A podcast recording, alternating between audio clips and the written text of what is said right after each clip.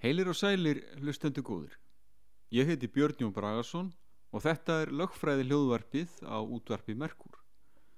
Í þessum öðrum þætti mun ég fjalla um handhafa ríkisvalds og mannréttindi.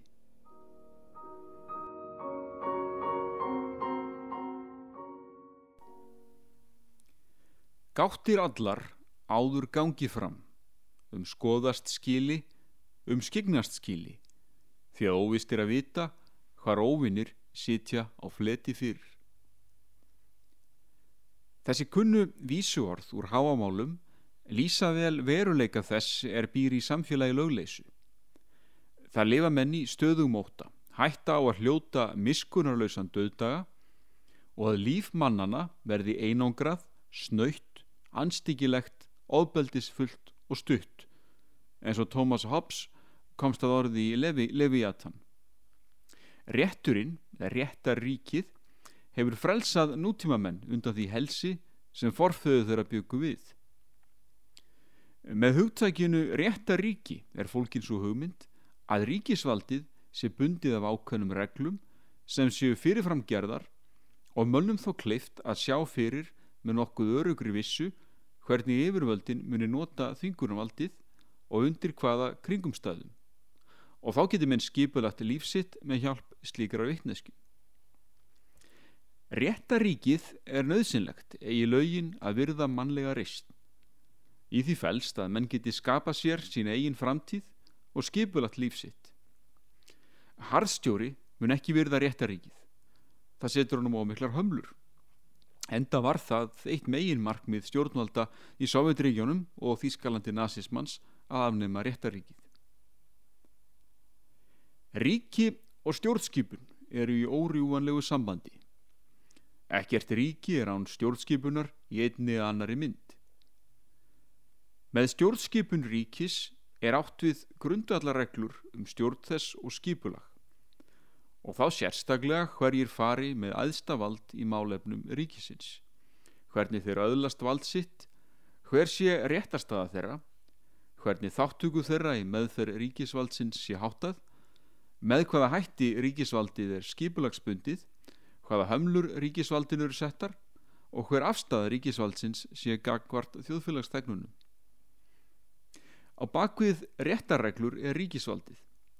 Það er eitt enginni laga að heimilt er og stundum skilt að halda þeim uppi með valdi, fremji maður til dæmis afbrót þá verður honum refsað. En ef við lítum ölliti nánar á ríkisvaldið þá er það svo að það eru tilteknir einstaklingar sem verða að vera í fyrirsvari fyrir ríkið. Það er að sé að fara með vald þess, að ráðstafa réttindum þess og hafa rétt til að skuldbinda það og svo framvegis. Þeir einstaklingar sem gegna þessu hlutverki eru kallaðar handhafar ríkisvalds. En handhöf ríkisvalds er ekki bundin við personur, heldur stofnanir og ennbætti. Hlutverk og störf alþingis eru til dæmis alveg þau sömu þó þingminn hverfi að þingi og nýjir komið þeirra stað. Aðal réttarheimildin um stjórnskipun Íslands og ríkisvald er stjórnarskrá liðvöldisins Íslands nr. 33 frá 1944.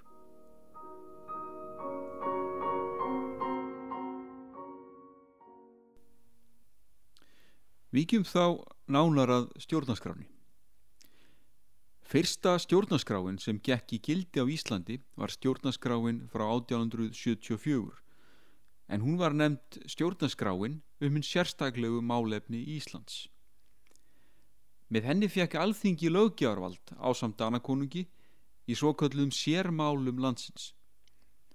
Það kom til að því að Danir viðurkendu þó aðeins forraði Íslands að takmörkuðu leiti. Árið 1903 tók þessi stjórnarskrá breytingum er Íslendingar fengu heimastjórn og íslenskan ráþera búsettan í Reykjavík. Fyrstu til að gegna því ennbætti var Hannes Hafstinn sem tók við ennbætti ráþera Íslands 1. februar 1904. Árið 1915 var sett ákveði stjórnarskrá um kostningarétt kvenna og hjúa og ákveði var að hafa sex landskjörna þingmenn í stað konungskjöruna á samt fleiri breytingum. Stjórnarskrá konungsríkisins Íslands tók gildi árið 1920. Ísland hafði orðið sjálfstætt, frjálst og fullvalda ríki 1. desember 1918 en þann dag tóku sambandslögin gildi sem voru hvortveikja í senn milliríkja samningur, millir Dana og Íslendinga og lög í hverju landinum sig. Dönsk stjórnvöld önnuðust tiltekin mál í umbóði Íslendinga til að mynda starfrækslu utaríkistjónustu, landhelgiskeslu og fleira. Íslendingar höfðu þó sjálfstæð utaríkistefnu sem dæmum það má nefna að Danir gengu í þjóðabandalægið en Íslendingar ekki. Þá varð konungur Dana eftirleiðis einni konungur Íslands. Drottning hans varð sömuleiðis drottning Íslands og sinir þeirra, tengdadætur og ymsir ættingjar konungs urðu prinsar og prinsessur af Íslandi. Þetta fyrirkomulag var því með svipuðum hætti og týðkast í sumum sammeldislöndum nútímans, til dæmis Ástralíu, Nýja Sjálandi og Kanada, en Englands drottning er einnig drottning þessara ríkja þó þau njóti fulls sjálfstæðis. Þriðja stjórnaskráin, sem nú er í gildi, líðveldis stjórnaskráin, var samþygt á þingfundi á Þingvöllum 17. júni 1944 þegar líðveldi var stopnað hér á landi og konungdæmið þar með afnumið. Stjórnarskráni hefur alloft verið breytt á undanförnum árum og áratugum en helstu breytingar hafa tengst kjördamaskipan og kostningarétti. Með stjórnarskrá breytingum 1991 voru gerðar verulega breytingar á starfsháttum alþingis þegar efri og neðri deildir þingsins voru lagðar niður og það saminað í eina málstofu. Það var samþyktur nýr mannreitindakabli stjórnaskrárunar árið 1995. En uh, vikjum þá nánar að efni stjórnaskrárunar. En stjórnaskráin er aðal heimild um íslenska stjórnskipun og í henni er að finna þær grundvallareglur sem tryggja líðræði á Íslandi. Í upphafi stjórnaskrárunar er lögfæstur grundvöllur íslenskara stjórnskipunar. Í Ísland er líðveldi með þingbundinni stjórn og ríkisvaldið greinist í þrjá þætti, lögjafarvald, framkvæmdarvald og dómsvald. Hér á landi ríkir jafnframt þingræði en það þýðir að þeir einir geta setið í ríkistjórn sem meirluti alþingis stiður eða minnstakosti þólir í ennbætti. Ríkistjórn er því skilt að segja af sér samþyggi alþingi vantrust tillugu hana. Þrýgreining ríkisvaldsins þykir eitt af aðal engjönum líðræðis þjóðfélaga en hún á rætur sína rekja til Ritz franska fræðimannsins Charles de Montesquieu de l'Esprit de l'Eau eða Anda lagana sem kom út árið 1748. Að baki kenningum Montesquieu býr svo hugmynd að vald tempri vald og æskilegt sé að dreifa valdi. Til að ná fram þeim markmiðum sé rétt að einstakir þættir ríkisvaldsins séu sem sjálfstæðastir. Kenning Montesquieu hefur haft mikil áhrif á stjórnskipun frjálsra þjóða. Ríki hafa þó gengið mislánt í þrýgreiningu ríkisvaldsins. Einna glegst er greiningin í bandaríkjónum og fleiri ríkjum sem búa við svo kalla forsetaræði en þá er eiginlegur handhafi framkvæmdarvalds kjörinn sérstaklega. Þrýgreiningin er ekki algjör hér á landi, til dæmis fara fórseti og ráþærar saman með framkvæmdavaldið og fórsetin fyrir einning með löggevarvald á samt alþingis. Ráþærar eru að jafnaði sömuleiðis þingmenn að jafnaði og fórseta er heimilt á ábyrð ráþæra að setja bráðabyrðalög þegar þingið sittur ekki. Lengi voru óklögg skil á milli dómsvalds og framkvæmdavalds í héræði utan Reykjavíkur en til tíðinda drói því efni á nýjunda áratug síðust aldar. Í því sambandi skulum við líta á hæstarættadóm frá ára 1985 sem er á blaðsíðu 1290 í dómasafninu það ár. Atveikmáls voru þau að Karlmaður, sem við skulum kalla Jóð, var ákjærður fyrir ofraðan akstur og brot á stöðunaskildu. Í Sagadómi Akureyrar, sem er forveri hérastóms Norðurlands Eistra, var hann dæmdur til að greiða 3000 krona sekt í ríkisjóð. Verjandi hins ákjærða krafðist þess fyrir hæstarétti að dómurðinir yrði ómertur og málunni vísa heimi hér að til nýrar meðferðar og dómsálagningar.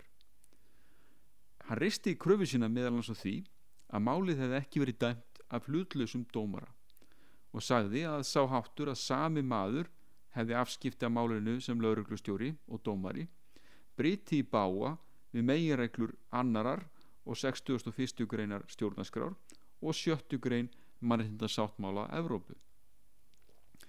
Um þessa máls ástæðu sagði orðrétt í dómi hæstaréttar tilvutnun hefst.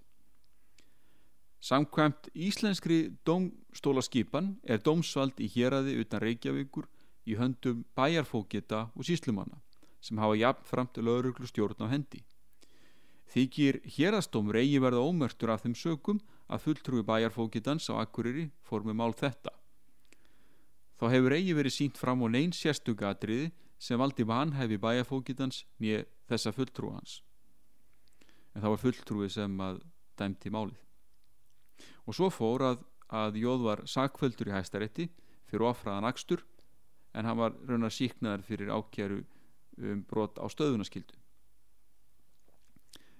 viðkomandi undi ekki þessari niðurstöðu og vísaði málinu til mannreitindanemdar Evrópu hún skilaði af sér áliti sem mannreitindadómstól Evrópu staðfesti 1. mass 1990 og hún var þess efnis að svo skipan að sami maður væri í senn lauruglustjóri og dómari í sakamálum á Íslandi briti í báa við ákvæði mannreitindasáttmála Evrópu um óvilhallan dómstól.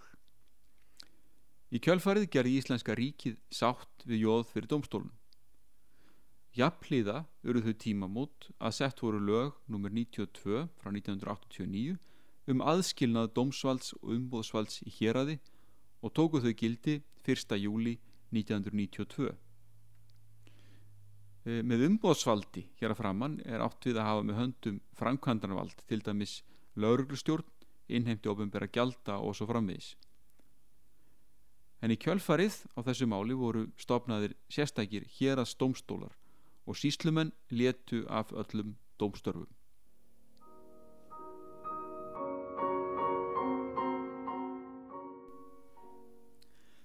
Þjóðhöfðingi Íslenska ríkisins nefnist Forseti. Hann er þjóðkjörinn, kosin í beinum leinilegum kostningum af þeim sem hafa kostningarétt til alþingis.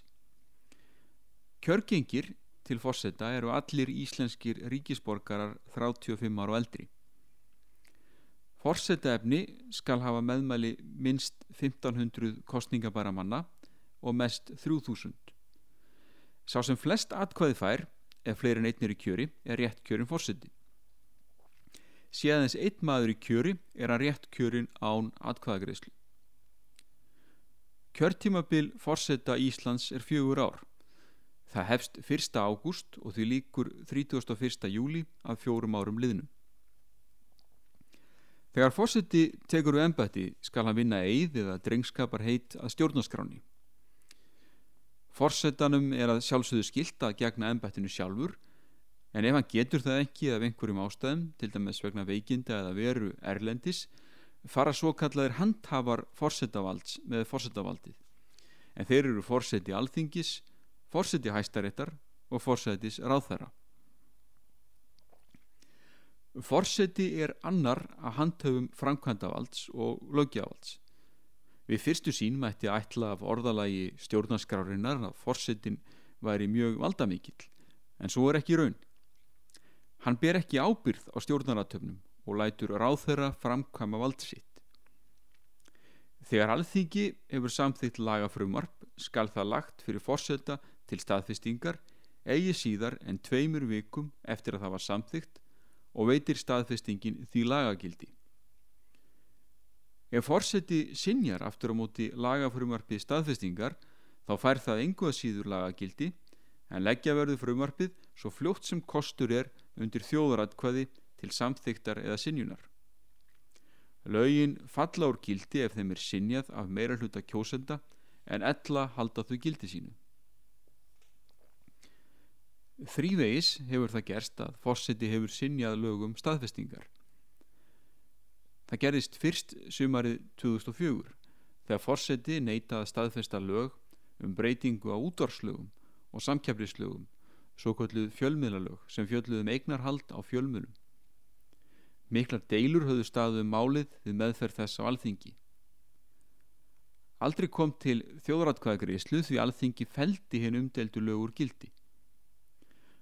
Árið 2010 og 2011 neytaði fórseti að staðfesta lög sem alþingi hafði samþygt í tengslu við samninga íslenskra stjórnvalda við ríkistjórnir Breitlands og Hollands um ábyrð á einstæðum á bankareikningum, bankareikningum í útibúum landsbankans svo kalluðum æsseif reikningum. Framfóru þjóðrætkvæðagreislur um frambúðar gildi þeirra laga og varði niðurstaðan í báðum tilfengum svo að meira hluti þeirra sem atkvæði greitu vildu að lögin eru fælt úr gildi.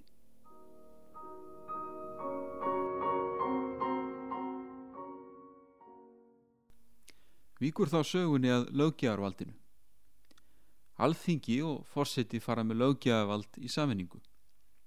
Hlutverk löggefans er að setja almennar réttareglur, lögin, og leggja þar með grundvöllin að starfi framkvæmdarvaldsins og domstóla. Bæði framkvæmdarvaldshafar og dómarar eru bundnir við fyrirmæri löggefans. Alþingi starfar í einni málstofu þar er að sæti 63 þjóðkjörnir alþingismenn sem kostnir eru leynilegri hlutbundin í kostningu til fjögur ára í senn. Allir íbúar landsins sem uppfylla skilirði stjórnarskrárinar hafa rétt til að kjósa í alþingiskostningum. Skilirði fyrir kostningarétti eru 18 ára aldur þegar kostning fer fram, íslenskur ríkisborgarréttur og að eiga lögheimili á Íslandi. Kostningaréttur fellur niður ef Íslandingur gerist ríkisborgar í öðru ríki en erlendur ríkisborgari sem öðlast Íslandst ríkisfang verður tekin á kjörskrá á kjördegi. Kjördæmi við alþingiskostningar eru sex talsins það eru norð-vestur kjördæmi norð-austur kjördæmi söður kjördæmi söð-vestur kjördæmi og Reykjavíkur kjördæmi norður og Reykjavíkur kjördæmi söður Nú kjörgengur við alþingiskostningar er hvers á íslensku ríkisborgari sem kostningar rétt á til þeirra og hefur óflekkað mannorð Alþingi sker sjálft úr um það hvort þingmenn séu löglega kostnir Þegar þingmaður tekur sæti á alþingi fyrsta sinn skal hann vinna eið eða drengskaparheit að stjórnaskráni. Í stjórnaskráni er tekið fram að þingmenn skuli einungis vera bundnir af sannfaringu sinni. Þingmenn njóta sérstakra fríðhelgi að því leiti að ekki má færa þá í gæstluvarhald eða hafða mál á hendur þeim meðan þing situr nema þessu staðnir að glæp. Þá er heldur ekki heimilt að krefja þingmann reikningsskapar gerða sinna utan þings fyrir þar sem hann lætur sér um munnfara í þinginu nema með leiði alþingis.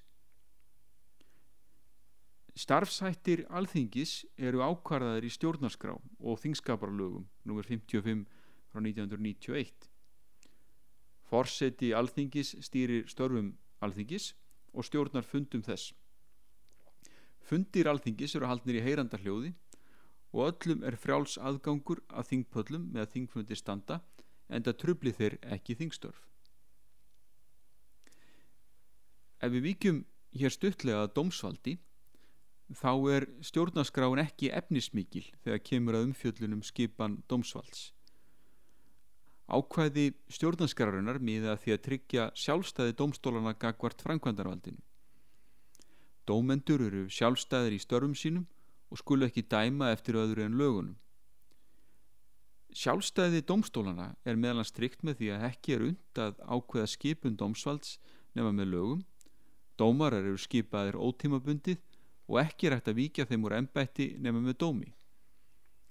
Heimilt er að veita dómara sem orðin er 65 ára gamall lausn frá ennbætti.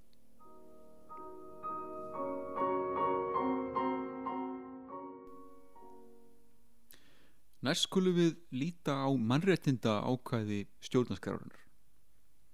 En í stjórnarskrá liðveldisís Íslands eins og í öðrum stjórnarskrám eru ítarleg ákvæði um borgarleg réttindi þjóðfélagstegnana. Með stjórnarskrábreytingu árið 1995 var mannréttindakabla stjórnarskrárunar breytt og ákvæðin færð í nútímalegra horf en verið hafði. Lítum fyrst á trúfrelsi. Allir eiga rétt á því að stopna trúfjölög og yfka trú í samræmi við sannfæringu sína. Einu takmarkanennar eru þær að ekki má kenna eða fremja hluti sem eru gagstaðir góðu siðferði og alls herja reglu eins og það er orðað. Þann er ekki heimilt að fremja glæpi svo sem óðbeldisbrot og eignaspjöll í skjóli þess að veri sé að yfka trúabröð. Stjórnarskráin leggur bann við því að einhver missi eitthvað að þjóðfélagslegum réttundum sínum vegna trúabræða sinna. Engin má þó skorast undan almennri þekkskildu af trúarástaðum. Mönnum er einning frjálst að standa utan trúfélaga og engin er skildur til að greiða gjöld til, trú, til trúfélags sem hann er ekki aðilega að. Þeir sem standa utan trúfélaga greiða til ríkisjóðs þau gjöld sem ella hefðu runnið til trúfélags. Í stjórnarskrá segir að hinn evangelísk lúterska kirkja skuli vera þjóðkirkja á Íslandi. Ekki hefur verið talið andstætt trúfrelsi að hún njóti þannig sérstöðu og samkvæmt stjórnarskrá, stjórnarskrá skal ríkisvaldið stiðja hana og vernda. Nú, jafnrétti, það er kveða um jafnrétti í stjórnarskrá og að konur og karlar skuli njóta jafnréttis í kvívetna og allir skuli jafnir fyrir lögum án tillits til kynferðis, trúarbræða, skoðana, þjóðverðnisuppruna, kynþáttar, litarhátta, efnahags, ætternis og stöðu öðru leiti. Með jafnræðisreglunni er bannað að tveir menn í sömu stöðu, sömu aðstöðu fái mismunandi úrlöst sína mála eða mismunandi meðferð ef engar málefnulegar ástæður réttlæta mismununa. Sem dæmi um málefnulegar ástæður má nefna að útlendingar hafa skerta möguleika til eignast atvinnu fyrirtæki hér á landi. Fyrir því hafi verið talin hlutlæg og eðlileg rauk aftur á móti stæðist ekki stjórnaskrá ef slík höft ættu einungis við um menn af tilteknum kynþætti svo dæmis er tekið. Í stjórnaskrá er ennfremir ákvæði um ríkisborgarrétt en barn öðlast íslenskan ríkisborgarrétt við fæðingu ef móður þess er íslensku ríkisborgari. Það öðlast sömulegis íslenska ríkisborgarrétt við fæðingu ef fadir þess er íslensku ríkisborgari og kventur móðurinni og ef móður þess er ógift og erlendur ríkisborgari og barnið fæðist hér á landi og fadir þess er íslenskur ríkisborgari. Útlendingar geta sótt um íslenskan ríkisborgarrétt hjá útlendingastofnun. Sömulegis getur alþingi veitt ríkisborgarrétt með lögum. Til að öðlast íslenska ríkisborgarrétt þarf að hafa fasta búsetu hér á landi. Almennt er miða við sjö ára búsetu en ef umræði ríkisborgara frá einhverju hinnan orðulandana nægir fjögur ára búsetta. Engan má svifta íslenskum ríkisborgarrétti. Með lögum má þá ákveða að maður missi þann rétt er hann gerist ríkisborgar í öðru ríki. Útlendingar geta aðlast íslenska ríkisborgarrétt með lögum frá alþingi og dómsmáráðara er einnig að vissum skilurum uppfylltum og að fenginu umsögn lögurglustjóra heimilt að veita íslenskan ríkisborgarrétt. Ekki má banna íslenskum ríkisborgara að koma til landsins vísa, eða vísa honum úr landi. Í lögum er hveða um rétt útlendinga til að koma hingað og dveljast hér svo við hvaða aðstæður með vísa þeim úr landi. Ekki má banna neinum að fara á landi nema með ákvörðun dómara. Þó má stöðva brott fyrir manns úr landi með lögmætri handtöku. Næsta mannrættinda ákvæði stjórnarskrár er varðar persónufrelsi en engan má svifta frelsi nefna með heimild sangkvæmt lögum. Hver sá sem sviftur í frelsi skal tafarlust fá að vita um ástæður þess og hvert þann sem handtekinn er vegna grunn sem refsi verða hegðun skal án undandráttar leiða fyrir dómara. Dómarinn skal innan eins sólarings ákveða með raukstutum úrskurði hvort handtekinn maður skuli sæta gæsluvarhaldi. Gæsluvarhaldi má aðeins beita fyrir sög sem fangelsisrefsing er lögð við. Með lögum skal tryggja rétt þess sem sætir gæsluvarhaldi til að skjóta úrskurði þar að lótandi til æðra dóms. Maður skal aldrei sæta gæsluvarði lengur en auðsinn krefur. Hver sem af öðrum ástæðum er sviftur frelsi á rétt á að domstól hviði á um lögmæti þess svo fljótt sem verða má. Reynist frelsisvifting ólögmætt skal hann þegar látin laus. Hafi maður verið sviftur frelsið ósöki á hann rétt til skadabóta úr ríkisjóði. Í personufrelsi er einnig fólkið ferðafrelsi og þar með réttur til að velja sér búsetustað. Sá réttur getur þó verið takmörkunum háður til dæmis að mönnum sé óheimilt að velja sér búsetu á tilteknum svæðum svo sem í sumarbústaðalandi. Í stjórnarskráni er einnig bann við ómannúlegri meðferð og þar er, er, það, er það orða svo að pyntingar og önnur ómannúleg eða vanvirðandi meðferð eða refsing er sé óheimil og ekki megi skildamenn til nöðungarvinnu. Þá verður engum refsað nema hátt sem ég hafi verið refsiverð samkvæmt lögum þegar hún átti sér stað og þá má refsingin ekki vera þingri en lög hvaðu áum á þeim tíma. Umverðar eða æfa forna meginreglu rómarétti nulla poene síni legi. Engin er refsing án laga.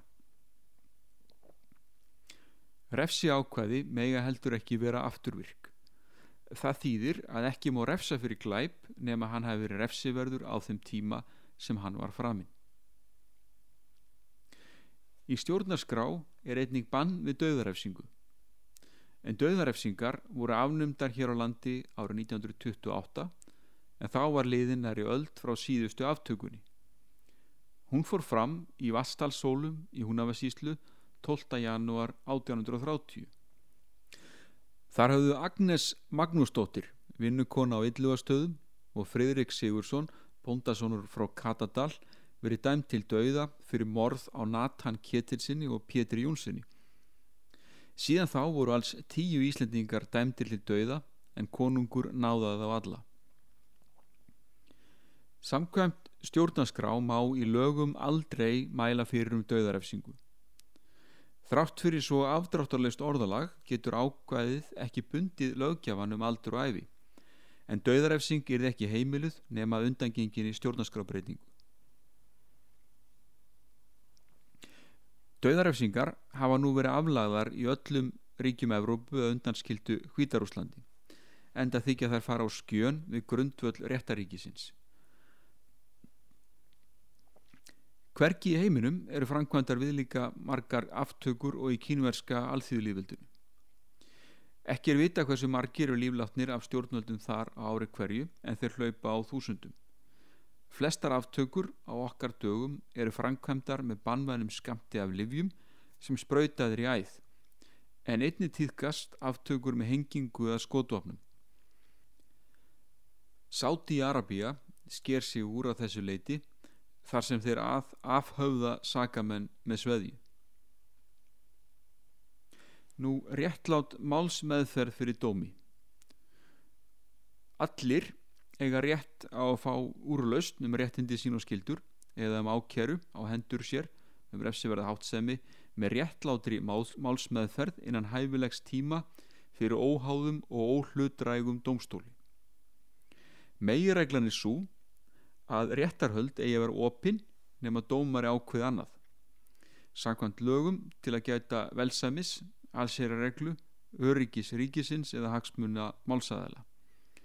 Hver sá sem borin er sökum um refsiverða hátsemi skal talin saklus unsekt hans hefur verið sönnuð. Þá er rauðin komin að fríðhelgi engalífs. En sangkvæmt stjórnaskrá skulu allir njóta fríðhelgis engalífs, heimilis og fjölskyldu. Líkams rannsók eða leit á manni, leit í húsakinnum hans eða munum er ekki heimil nema samkvæmt dómsúrskurði eða með sérstakri lagaheimild. Það sama á við um rannsókn á skjölum og postsendingum, símtölum og öðrum fjarskiptum, svo og um hvers konar sambærlega skerðingu og engaleifi manns. Þó má með sérstakri lagaheimild takmarka á annan hátt friðhelgi engalífs, heimilis eða fjölskyldu ef brínanauðsin ber til vegna réttinda annara. Í því sambandi má nefna ímsar heimildir í barnaverndalögum til afskipta af heimilislífi til að vernda réttindi barna og jafnvel má svifta foreldra forsjá barns sé það tali barninu fyrir bestu. Næst er það eignarétturinn en uh, eignarétturinn er fríðhelgur en það hortsteinn farsæls samfélags. Á 20. stöld var komið á fót fjölmörgum kommunistaríkjum þar sem eignarétti var hafnað að stórum hluta eða jafnvel að öllu leiti. Við slíkar aðstæður skortir menn kvata til að leggja hart að sér. Fólk sem leggur lífsitt og sál í uppbyggingu öflura fyrirtækja vill að sjálfsögðu njóta afraksturs erfiði síns og fá haldið þeim eignum sem það hefur unnið fyrir. Í eignaréttinum er líka fólkin ein megin forsenda framfara en það hefur efnaðaskerfi þeirra ríkja sem hafna eignaréttinum hrunið til grunna. Engan má skilda til að láta af hendi eigg sína nefna með lögum en það krefjist almanna þörf þess og fullt verð komi fyrir. Ymsar takmarkanir eru lagðar á eignir manna og ráðstöðunarétt þeirra yfir þeim án þess að þær teljist eigna svifting. Skattgreðslur eru helsta dæmið þarum en sangkvæmt stjórnarskrá verður skattur þó einungis lagður á með lögum frá alþingi. Skattlagningar af allt má ekki framselja til framkvæmdarvaldsins. Skatt má heldur ekki leggja á með afturvirkum hætti. Laun þegar á til dæmis að geta trist því að, að skattur á teikjur hans sé ekki herri en hann var þegar hann vann fyrir teikjunum. Nú skulum við vikja að skoðana og tjáningarfrelsi. En allir eru frjálsir skoðana sinna og sannfaringar. Hver maður á rétt á að láta í ljós hugsanir sínar en hann verður að ábyrgjast þær fyrir dómi. Ritskoðun og aðrar sambæralegar talmanir á tjáningarfrelsi má aldrei lögfesta. Tjáningarfrelsi má aðeins setja skorður með lögum í þáu allsherrareglu eða öryggisríkisins til verndar heilsu eða siðgeði manna eða vegna réttinda eða mannorðs annara enda teljist þær nöðsynlegar og samræmist líðræðis hefðum. Tjáningarfrelsið er markliða. Í því er fólkið frelsið til sannfæringar, frelsið til byrtingar og upplýsingafrelsi sem er rétturinn til að afla sér upplýsinga og dreifa þeim. Tjáningafrelsið leikur til grundvallar og er samofið opnu og frálsu samfélagi. Ef fólk fær ekki að tjá sig er því nánast óklift að hafa áhrif á og hrífa annað fólk með sér. Hættir við að þjóðfélagsumræðan rist ekki djúft ef fólk getur ekki kalla eftir upplýsingum þar með talið frá valdtöfunum og hefur ekki frelsi til að gaggrýna. Forsenda ígrundaðra ákvarðana og torki hugmyndana er að öll sjónamið komið fram og sé ekki bæld niður líkt og reyndin er í samfélögum sem byggja á einræði og miðstýringu. Tjáningafrelsið verndar ekki aðeins, aðeins rétt manna til að miðla skoðunum heldur einni hverskins upplýsingum sem geta verið í viðskiptalegum tilgangi nefnum á auðlýsingar í því sambandi. Bann við tóbaks og áfengisauðlýsingum hefur þó verið talið standast stjórnaskrá að tilliti til heilsumanna. Tjáningafrelsi eins geta verið settar skorður af vernd enga lífs annars og reglulega reynir á þetta hagsmunamat í störfum fjölmiðla. Ef við lítum á hæstaréttadóm uh, frá 24. november 2011 í uh, máli númer 100 frá því ári sem fjallar um aðtunumann í knaspinu þá sjáum við glögglega hvernig þetta skarast en þar taldi dómurinn að umfjöllun uh, dagblæsins stjefaf um lántökur og fjárfestingar þjóðþekts aðtunumanns í knaspinu uh, vörpuðu ljósi á afleðingar útlánastefnu íslenskra viðskiptabanka og áhættu sækni íslenskra fjárfesta sem kynni hafa átt þátt í því hruni sem var í íslensku efnaðasrífi lífið við fallbankana þryggja hausti 2008 og hefði haft mikil og almenn áhrif á alla starfsem í landinu og kjör almennings. Og umfjöllunum um launamál umræts knaspunumanns þótti heldur ekki bróta gegn fríðhelgi engalífs hans enda verið launakjör þekktara atvinnumanna í knaspinu reglulega til umfjöllunar í fjölmjölum Knaspinnumadurinn sem hér ræðir hafði haft betur gegn djefaf fyrir hérastómi og raukstuðningin hér er fróðlegt að bera saman við mál Karolínu prinsessu af Mónakó sem tvívegi skaut málum, sí, málum sínum gegn þýskum uh, stjórnvöldum til Marrettadómstóls Evrópu uh, það eru mál von Hannover þar að segja Karolínu gegn Þýskalandi Dómur í fyrramálunu fjall árið 2004 en málavextir voru þeir að Þýsk slúður tímaritt hafði byrt myndir af henni þar sem hún var stött í enga eritum svo sem á veitingastað, í skíðaferðalagi og á ströndinni. Þískir domstólar töldu ekkert í þarlandum lögum banna myndbyrtingar af þessu tægi. Hún skaut málunu til Marættindadómstólsins sem komst aftur á móti að þeirri niðurstuð að með byrtingumyndana væri brotið á friðhelgi engalífs prinsessunar. Í myndunum væri ekki fólkið mikilsvert framlag til þjóðfélagsumræðunar og ekkert sem varðaði almanahag dómur í síðaramálunu fjall árið 2012 hann varðaði líka myndbyrtingar af Karolínu prinsessu og hún var í skíðafríi en á sama tíma var fadirinnar Rænir prinsa Monaco alvarlega veikur. Og uh, dómstóttin leitt þetta öðrum augum. Myndbyrtingin væri í þvíljósi samtíma viðburður sem tímarittunni væri heimilt að segja frá. Nokkur Íslensk mál er varða mörg tjáningafrelsis og friðhelgis engalífs hafa komið til kasta mannrettindadómstóls Evrópu. Í því sambandi má nefna dóm sem fjall 7. november eh, 2017 og það er mál Egil's Einarssonar gegn Íslandi. Atvík málsins voru þau að átjónara kona tilkynnti til lögreglu að E og unnusta hans hefðu nöðgað sér og önnur kona bar sömu sakir á E. Að lokinni aðtugun lögreglu voru bæði málinn feld nýður. Í kjölfarið byrti E mynd af E á samskiptamílunum Instagram skrifaði auðmíki yfir nafn hans og bætti við textanum hérna innan tilvísanamerkja Fuck you rapist bastard tilvísun líkur bætti þessum texta yfir myndina Hæstiréttur taldi að þessi gildistómur E um E nýtti verndar tjáningafrelsis ákvæði stjórnarskrár. En E vísaði málinu þá til mannreitindadómstóls Evrópu. Dómstólinn komst að þeirri niðurstöðu að ummælinn hefði farliðið sér óréttmæta staðhæfingum staðreindir og því farliðið sér brot á ákvæði mannreitasáttmála Evrópu um fríðhelgi engalífs. Bann við klámi er einn leifilegra tálman á tjáningafrelsi á grundvelli almenns e, síðferðis en örðugt getur reynst að skilgjörna klám og þá hefur merking hugtagsins breyst á öllunum áratugum. Um hugtækið klám var fjallað í hæstertadómi frá 1990, blaðsíðu 1103.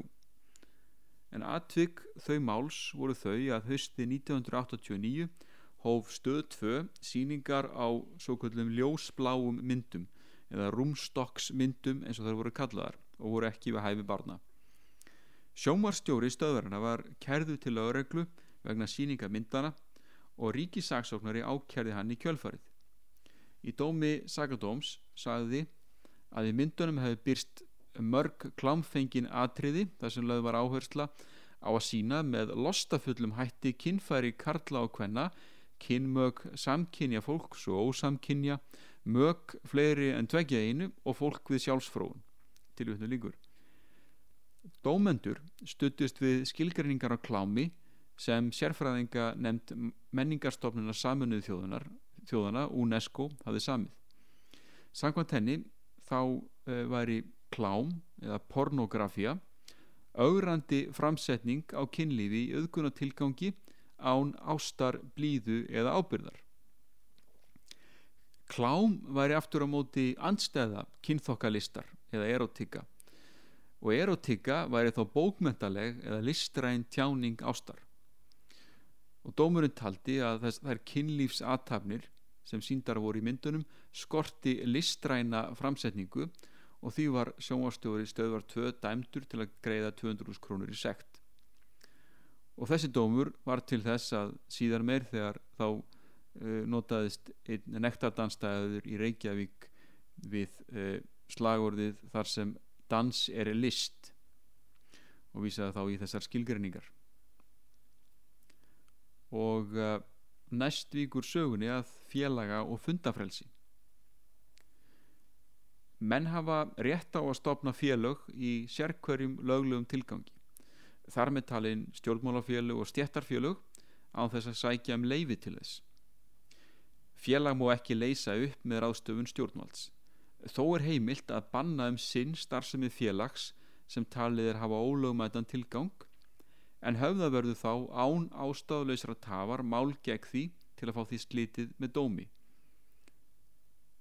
Engan má skilda til aðeldra félagi.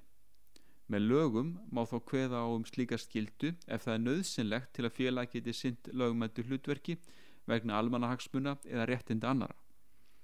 Dæmi um slík félög eru húsfélög og veiðifélög tiltekina fljóta og vatna.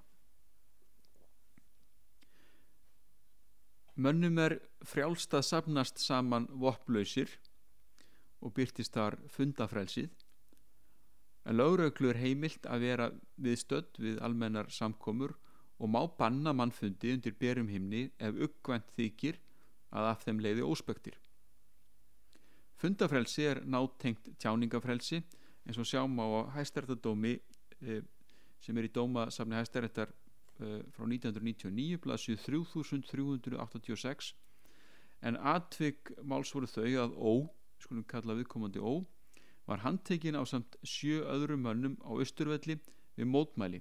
En á þessum tíma fór fram upptæka efnis í bandarískan sjónvastátt Good Morning America. Þetta var bein útsending.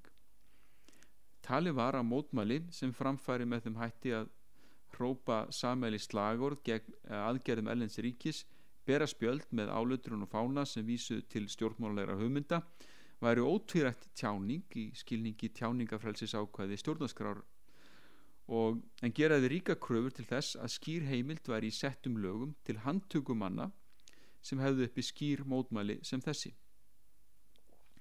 Ekki var á það fallist að, að ætlað brot gegn ákvæði almenna herningalaga þar sem refsingar lögðu við því að smána þjóðfána ellinsríkis hefðu leiðið til grundvallar handtökunni eða hún er réttlætt, réttlætt á þeim grundvalli.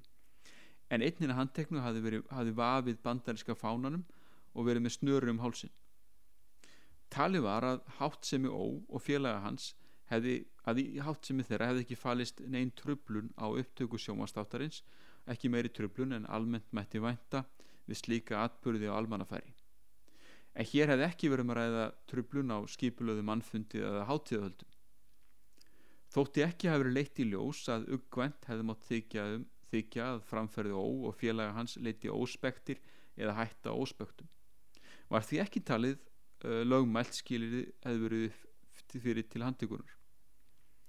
Að virtum aðtökum málsins og eðli þeirra sakargifta sem borna voru ó þótti ennfremur ekki hafi verið sínt fram á að rannsóknar nöðsin hefði krafist þess að honum væri haldið í gæslu lauruglu eins lengi og raun varð og því voru ódæmdar skadabætur úr ríkisjóði. Atvinnufrelsi er næsta ákvaði e, mannettakablan sem við skulum víkja að en mönnum er frjálst að stunda þá atvinnu sem þeir kjósa þessu frelsi má þó setja skorðum með lögum en það krefjist almanahagsmunur þess í lögum skal hveða um rétt manna til að semja um starfskjör sín og önnu réttindi tengt vinnu atvinna er oft háð ofinbjörnum leifum og stundum er fjöldi leifa takmarkaður eins og í tilfelli leigubifræðastjóra Þá er í landbúnað og sjávar og dveikjarðar miklar takmarkarnir í lögum á rétti manna til að stunda þær atvinnugreinar. Ef mann eiga að njóta atvinnuréttinda og grundveldi ofinbærs leifis teljast þau réttindi til eignar réttinda rétthafans. Allar eh, takmarkanir og atvinnuréttindum verða að kvíla á tröstum lagagrundvelli. Í stjórnaskráni er einni hvið á um, uh, félagsleg réttindi eða félagsleg mannréttindi en það er rétturinn til framfærslu og mentunar öllum sem þess þurfa skal treyður með lögum réttur til aðstóðar vegna sjúkleika, örorku, elli, atvinnuleysis, örbyrðar og sambarilegra atvika. Öllum skal treyður í lögum réttur til almennar mentunar og fræðslu við sitt hæfi. Börnum skal treyð svo vernd og umönum sem velferð þeirra krefst. þessi mannréttindi eru eins og, eins og sjáum á annars eðlis heldur þeim mannréttindi sem að frama var geti þessi mannréttindi krefjast aðtapna skildu hins ofnbera en hinn mannréttindi ganga megin stefni út á það að, að þú ofnbera láti borgarana í friði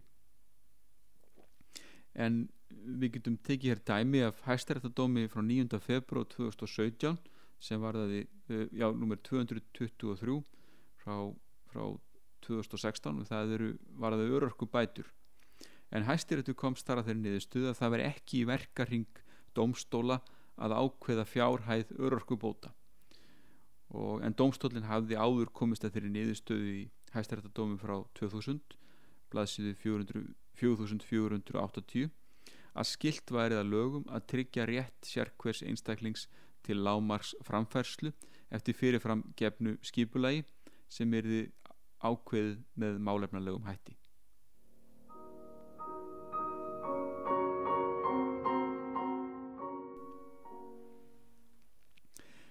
Síðari heimstyrjöldin liti af sér meiri hörmungar í Evrópu en nokkur dæmi vorum.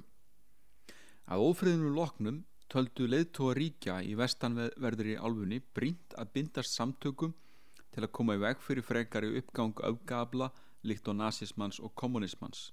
Alræði stefna sem grafið höfðu undan réttaríkjunu og sift borgarna almennum mannréttindum.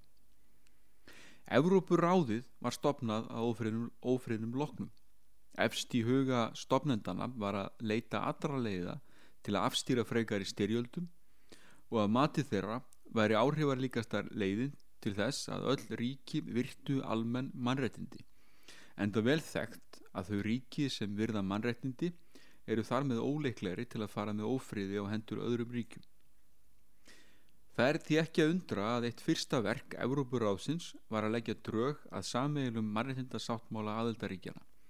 Hann var undirritaður í Róm 4. november 1950 og má teljast lang mikilvægastur allra þeirra þjóðu þjóðréttar samninga sem gerðir hafa verið á vettvangi Európuráðsins.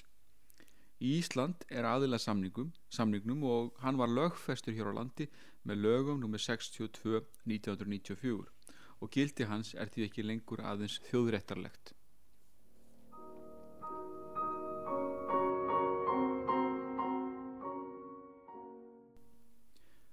Víkjum þá að framkvæmdarvaldinu. En samkvæmt stjórnarskrá þá fara forseti og önnur stjórnarvöld eða stjórnvöld saman með framkvæmdarvald. Og með stjórnvöldum er átt við einstakling eða fleiri menn sem saman annast stjórnsýslu á hverjum tíma eh, sem dæmi fórsetinsráð þeirra og sveitarstjórn. Eh, stjórnvöld starfaði þá almanahagsmuna. Þau eru rekin fyrir ofinbært fjö og hafa lögbóðnar valdheimildir svo kallað stjórnsýslu vald eh, framkvæmda valdsafar annars framkvæmt á fyrirmælum lögjafans framkvæmda vald taknar vald til að halda upp í lögum og allserareglu og umbúð til að vera í fyrirsvari fyrir ríkið bæði inn á við og út á við. Síðustu áratugi hafa orðið örar breytingar í þjóðfélaginu Meðal þess sem breyst eru aukin umsvið hins ofinbera og áhrif þess á líf fólks. Margar ákvarðanir sem teknar eru í ráðanitum, stopnunum ríkis og hjá sveitarfjölugum snerta einstaklinga og hópa mjög mikið.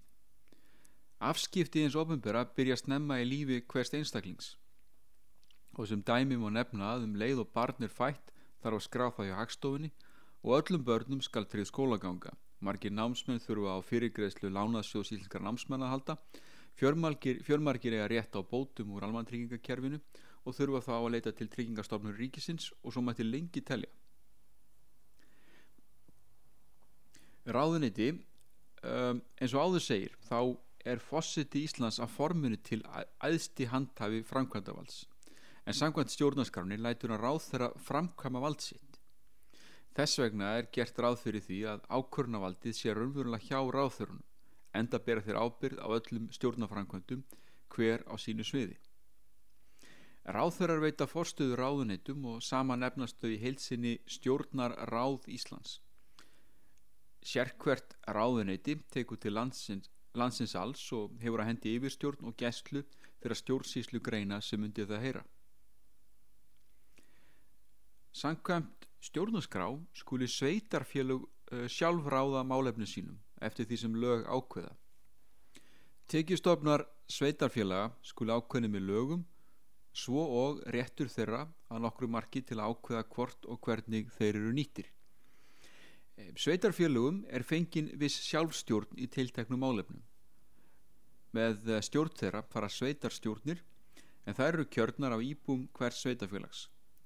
Kjörtímabil þeirra er fjögur ár. Kostningarétt til sveitarstjórna eiga allir sem er 18 ára það kostning hver fram eru íslenskir ríkisborgarar og eiga lögheimili á Íslandi. Danskir, norskir, sænskir og finskir ríkisborgarar sem hafa átt lögheimil á Íslandi samfelt lengur en þrjú ár fyrir kjördag eiga einni kostningarétt til sveitarstjórna. Aðrir erlendir ríkisborgarar þurfa að hafa átt lögheimili hér á landi lengur en fimm ár fyrir kjördag til að öðlast kostningarétt til sveitarstjórnarkostninga. Í Reykjavík nefnir, nefnist sveitarstjórnin borgarstjórn og framkvæmdastjóri sveitarfélagsins borgarstjóri og um sveitarstjórnir gilda lög nr. 138 frá 2011. Sveitarfélögum er skilt annastu verkefni sem þeim eru falin með lögum helstu verkefni þeirra eh, eru rekstur grunnskóla, ímis félagsmál, þar, með, þar á meðal framfæslumál, barnavendamál, málefni aldrara og fallara, atvinnumál, húsnæðismál, skipulags- og byggingamál og hreinlætismál. Á setni árum hafa æg fleiri verkefni verið flutt frá ríki til sveitafélaga. Sveitarfélög í landinu eru 72 talsins og mjög mjög stór. Reykjavík er þeirra langstæst með um 131.000 íbúa þá Kópavóður með tæplega 38.000 íbúa og næstu koma haffeyringar sem er rétt innan við 30.000. Til samanbörðar eru íbúar minnsta sveitafélagslandsins Árnes Reps í Strandasíslu aðeins 43. Um, mjög mikilvægt er að meðferð mála og erindi, erinda hjá stjórnvöldum þar að segja hann ofinbera, sé vönduð og réttlátt. Á lögfræðimáli heitir þetta að réttar eru ekki borgarna gagvart stjórnsýslunni sé tryggt. Með stjórnsýslu lögum er ætlað að tryggja þetta öryggi og gilda þau jamt um ríki og sveitarfélög. Í þessum lögum er hinn ofinbera, það er embættum og stofnunum ríkis og sveitarfélaga og stofnunum sem starfa á þeirra vögum, settar ákveðna reglur hvernig á að meðhandla mál sem það fær til meðförðar um rétt eða skildu manna og lögæðila. Það er svo kallar stjórnsýslu ákvarðanir. Dæmi um stjórnsýslu ákvarðanir eru vínveitingaleifi, leifi til reksturs ferðaskriðstofu, úrskurðir samkjefnis eftirlitsins og fleira. Laugin taka þannig til samskipta borgarana við ráðuniti, ríkistofnanir, sveitarfjölög og stofnanir þeirra. Og nú ætlum við að fara nokkrum orðum helstu grundvallar reglur stjórnsýslulagana. Fyrst skulum við líta á hæfi, hæfi stjórnvalda, en hæfi stjórnvalds lítur annars vegar að mentun og starfstekkingu og hins vegar tengslum við aðila máls. Í, stjórnsýslulögum eru taldar upp ástæður sem valda því að starfsmenn eða nefndarmenn í stjórnsýslunni væri vanhæfir til að fara með mál. Það er meiga ekki taka ákvörðun í máli. Slíkar ástæður eru oftast að þeim toga að starfsmæður er skildur aðila málsins eða hefur hagsmunatengslu fólk eða fyrirtæki sem tengjast máli. Reglur um hæfi eru settar til að tryggja að ómálarnarleg sjónamið ráði ekki ferðinni við málsmeðferð og til þess að stuðlega því að þeir sem er hlut eiga og aðrir geti treyst því að stjórnvöld séu hæf og hlutlaus. Næst er það leiðbenningar skilda en stjórnvaldi sem hefur mál til meðferðar er skilt að veita aðstóð og leiðbenningar um þau mál sem heyra undir starfsvið þess. Upplýsingarnar skulu vera þannig að viðkomandi geti gætt hagsmuna sinna á sem bestan hátt. Þær geta verið skriflegar eða munlegar og þær geta verið staðlagar til dæmis settar fram í bæklingum eða á sambærlegan hátt. Sem dæmi um framkvæmt leiðbenningaskildu er leifis umsókn til stjórnvalds til að stunda ákveðna tegund atvinnustarfsemi. Stjórnvaldi ber þá að leiðbenna viðkomandi um það hvað þurfa að koma fram í umsók, hvaða gögg þurfa að fylgja umsók, aðstóða við að fylla út umsóknar eðublöð og svo framvegis. Ekki er samt ætlast til að stjórnmöld veiti umfangsmikla og sérfræðilega ráðgjöf en það fyrir eftir umfangi málsins hversu ítalega leiðbenningar eiga að vera. Næst er komið að máls hraða en oftast hafa aðilar hagsmuna því að mál fái hraða afgreðslu frá stjórnvaldi. Stundum koma niðurstöðu stjórnvalda í málum aðilum ekki að gagni nema þær komi innan hæfilegs tíma. Þess vegna skulu ákvarðinni teknar svo fljótt sem kostur er. Ekki eru sett ákveðin tímamörk í lögunum en slik tímamörk má stundum finna í lögum um ákveðina tegundur ákvarðana svo sem í skattalögum og byggingalögum. E, sé fyrir sjánlegt að meðferð máls drægist skal stjórnvald segja aðilum frá því og útskýra hvers vegna tafir verða og hvenar megi búast við ákverðin verið tekið. Verði óhæfilegu dráttur á meðferð máls má kæra það til æðra stjórnvalds. E, þá er það rannsóknarreglan en stjórnmöldum er einni ætlað að sjá til þess að mál sé nægilega vel upplýst áður en ákverðinu tekið. Það þarf að undibúa málið og rannsaka þannig að málsatvik líki ljós fyrir þegar ákvörðinu tekin. Laugin segja ekki hvernig stjórnvaldi ber að standa að upplýsingaöflun enda fer það mikið eftir eðli máls og umfangi. Stundum liggja upplýsingar um mál hjá stjórnvaldinu sem er úrskurðað í málunu, stundum á fara fram á aðilar afli upplýsinga eða, eða leitaður upplýsinga hjá öðrum stjórnvaldum og svo framvegs. Og stjórnvald þarf ofta að fá álitt fleiri aðila.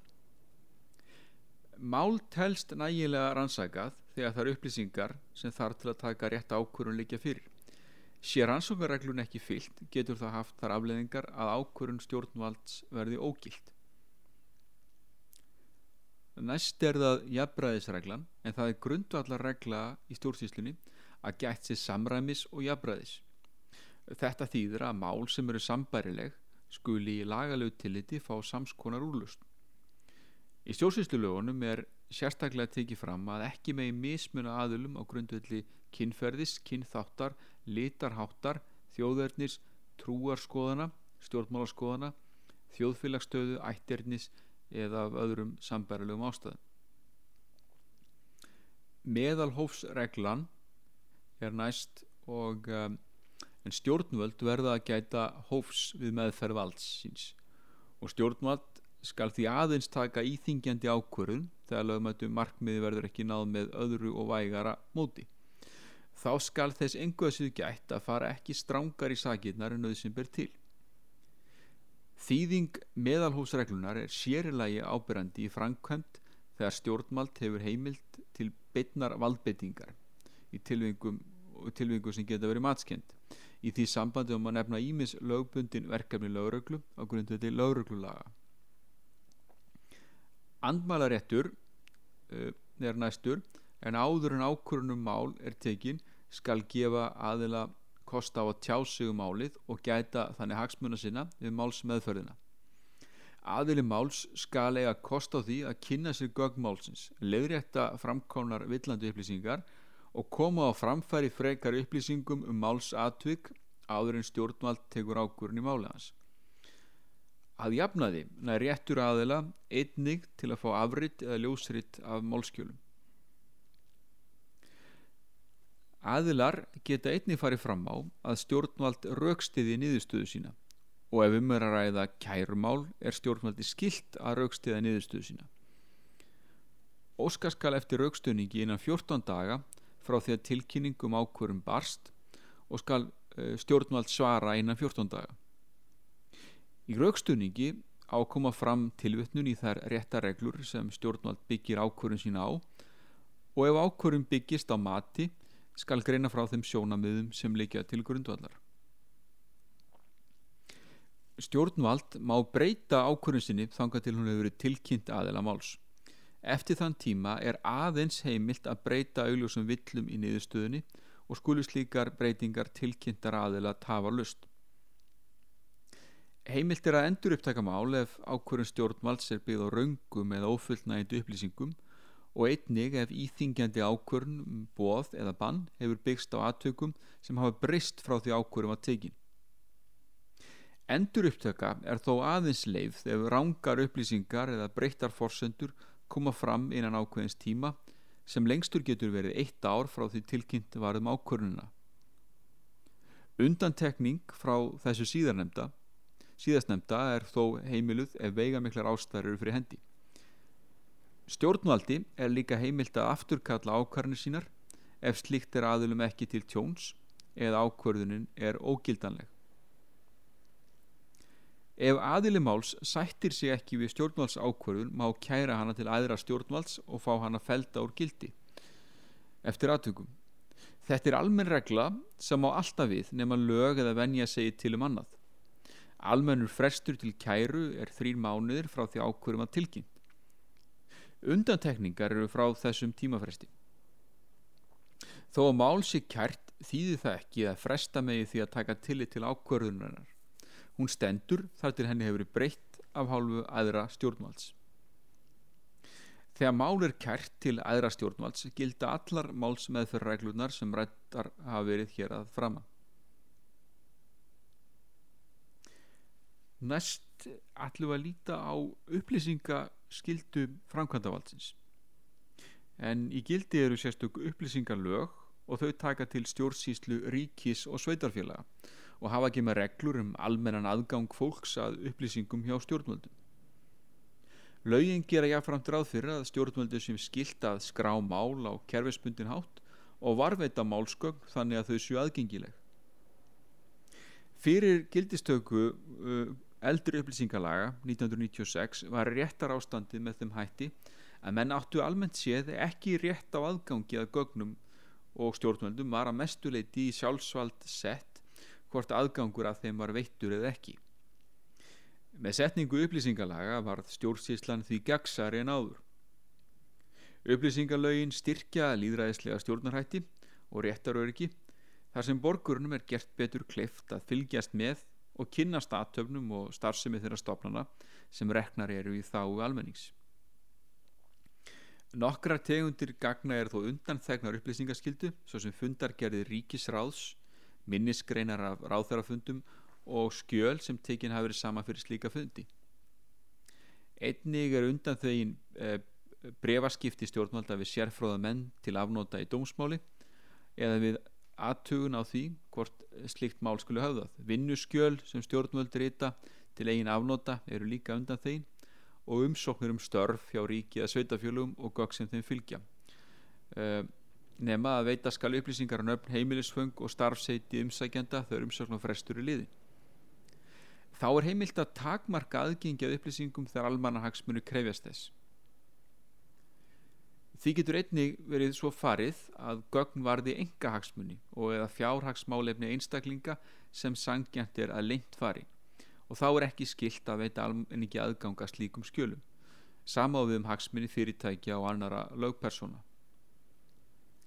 Teljimenn brotið á rétti sínum til aðgangs að upplýsingum er hægt að leggja mál fyrir úrskurðanemnd um upplýsingamál.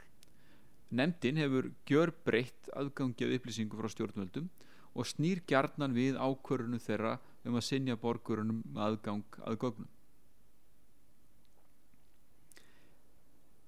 Nú skulum við uh, vikja sögun að síslumönnum.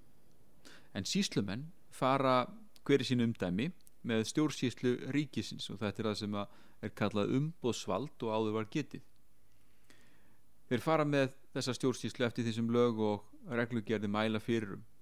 Síslumennir eru nýju talsins, þeir, það er síslumarn á höfuborgarsvæðinu, það er síslumarn á Vesturlandi, Vestfjörðum, Norðurlandi Vestra, Norðurlandi Eistra, síslumarn á Östurlandi, Suðurlandi, Suðurnesum og svo er sömulegðis sérstakur síslumadur í Vestmanni.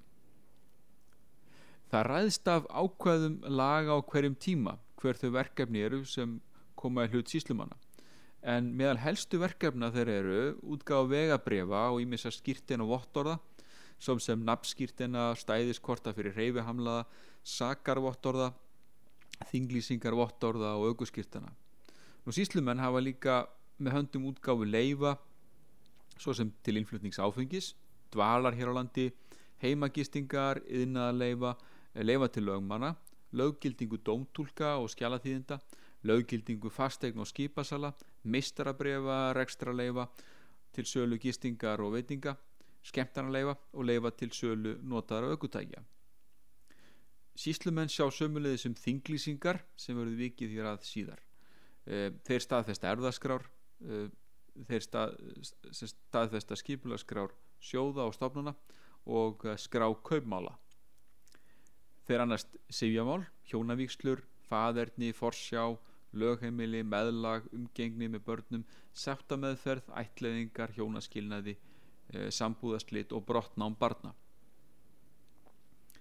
Síslumenn eh, annast líka mál sem lútaði andlát og dánarbúum þar að segja andlátstilkynningu engaskiptum, setu í óskiptu búi ofinbörum skiptum, fyrirframgreitum arfi leifi til dreifingar og ösku látinsmanns það þarf að segja um leifið fyrir því sérstaklega og leifi til tilfærslu og líki í kirkjugarði Síslumenn annast nöðungarsölur og fullnustugerðir þeir annast almenna einhemtu ofnbæra gælda og uh, uh, þeir annast málefni sem tengjast lögráðamönnum og nöðungarvistun og ímsum ímisönur mál líka. Þeir svo sem sáttaumlötun og þeir hafa umboð uh, utan Reykjavíkur fyrir sjúkratryggingar Íslands og tryggingastofnun ríkisins. Síslumæður er líka það sem er kallað lögbókandi eða notarius publicus en lögbókandagerð eða notarialgerð er ofinber staðfesting á því efni, sem efni skjáls kvöður á til dæmis erðaskrá eða skuldabrif þá má sá sem hagsmunni hefur að réttmæti, réttmæti yfirlýsingarnar til dæmis erfingi treysta réttmæti hennar ef hún hefur verið vottuð af lögbókanda að viðlagri ábyrð ríkisjós Óskimaður eftir að lögbók, lögbókandi staðfesti undirskrift hans á skjali skal hann sann á sig deili og undir þetta skjali eða kannast við undirskrift sína að lögbókanda viðstöld.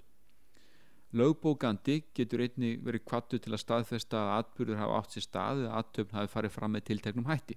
Til dæmis er fulltrúis Íslamanns áallt viðstættur útrátt í Haptrætti Háskóla Íslands og Lotto. Ég nefndi hér að framann skemmtarnleifi en til gamans má geta að það er skilt að sækja um slíkt leifi þegar haldir er skemmtun sem aðgangur er seldur að eða þegar halda á skemmtun á almennum skemmtistað, félagsheimil eða veitingahúsi og skemmtun á standa lengur en til halv tólf að kvöldi. Það þarf að greiða fyrir leifin, tækifærisleifi kostar 10.000 krónur og tímabundið áfengisleifi kostar 31.500. Hér í lok þessar þáttar ætla ég að nefna umbóðsmann alþingis en þeir sem telja á sér brotið í stjórnstíslunni eiga rétt til þess að skjóta máli sínu til umbóðsmanns alþingis.